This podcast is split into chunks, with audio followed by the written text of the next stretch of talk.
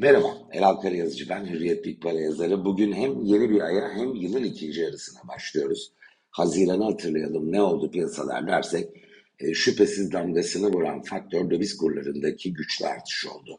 Dolar Türk Lirası karşısında %25, Euro %27 artış kaydetti. Gram altın %22.8 ile görece geride kaldı. Niye? Dolar bazında altının değer kaybettiği bir parkur oldu Haziran ayı. Borsa İstanbul'a da pozitif yansıdı TL değer adına ve %18'e yakın bir artışla e, BIST de TL bazında yeni bir e, rekora imza attı. 5750 puanın üzerine çıktı. Şimdi Temmuz ayında e, bir kere döviz kurlarında Haziran'ı çağrıştıran şiddette bir artış olur mu? E, bence bu zor görünüyor. E, fakat bu artmayacağı anlamına da gelmiyor döviz kurlarının. Türkiye'nin enflasyonu daha yüksek olduğu için işte Amerika'ya göre, Avrupa'ya göre e, aradaki fark kadar enflasyon, e, döviz kurlarının yukarı gitmesi zaten aslında nominal bir artış, reel bir artış değil. E, bir bakıma o enflasyon farkının iz düşümü oluyor tabelada. Fakat Türkiye e, yaz döneminde turizm devreye giriyor ve önümüzdeki 3-4 ay cari dengede ilerlemeye aday. Reel ekonomi döviz ihtiyacını kazançlarıyla e, karşılayacak bu periyotta. O yüzden bireysel yatırımcıların eğer çok şiddetli bir döviz talebi olmazsa bu parkurda e, görece daha ılımlı hareketlerle ben e, karşılaşmamızın mümkün olduğunu düşünüyorum. Yabancı yatırımcıların tavrı ne olur? Açıkçası yabancı yatırımcıların ben cari kur düzeyinde e, gelip Türkiye'de dolar satalım, Türk yatırımlarına yönelelim e, konusunda çok güçlü bir işte ortaya koyacaklarını zannetmiyorum. E, girişler olacaktır Türkiye'ye. Fakat Londra swap kanalları da artık açılmaya başladığı için daha hecli olup e, bunun TL'ye büyük bir katkısı e, olmayabilir.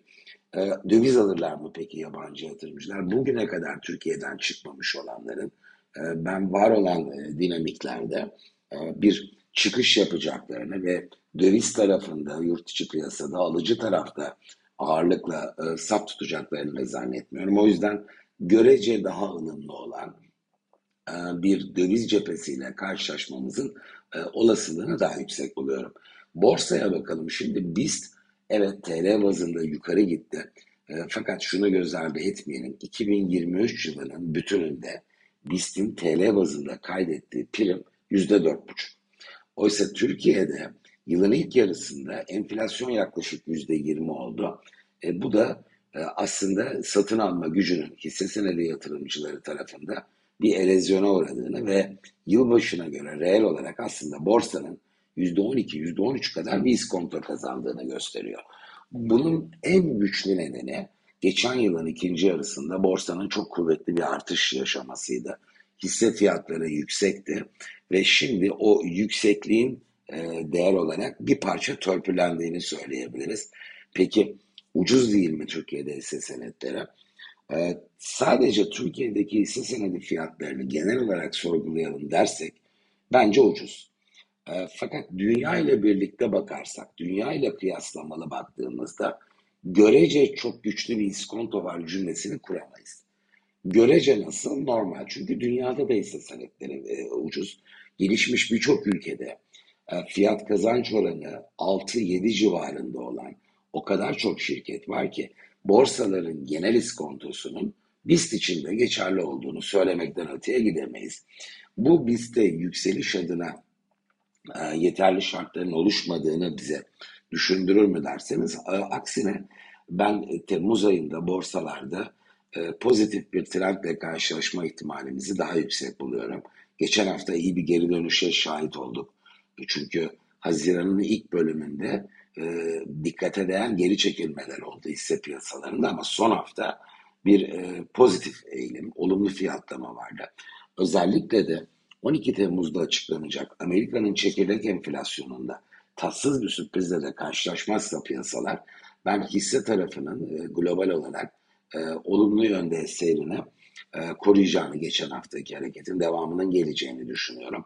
Bunun da BIST'i e, TL bazında yeni rekorlara taşımasının, dolar bazında da ılımlı bir hızla da olsa yukarı yönde bir e, seyre BIST'i e, yönlendirmesinin muhtemel olduğunu düşünüyorum. Diğer cephe metaller, onlarla noktalayalım.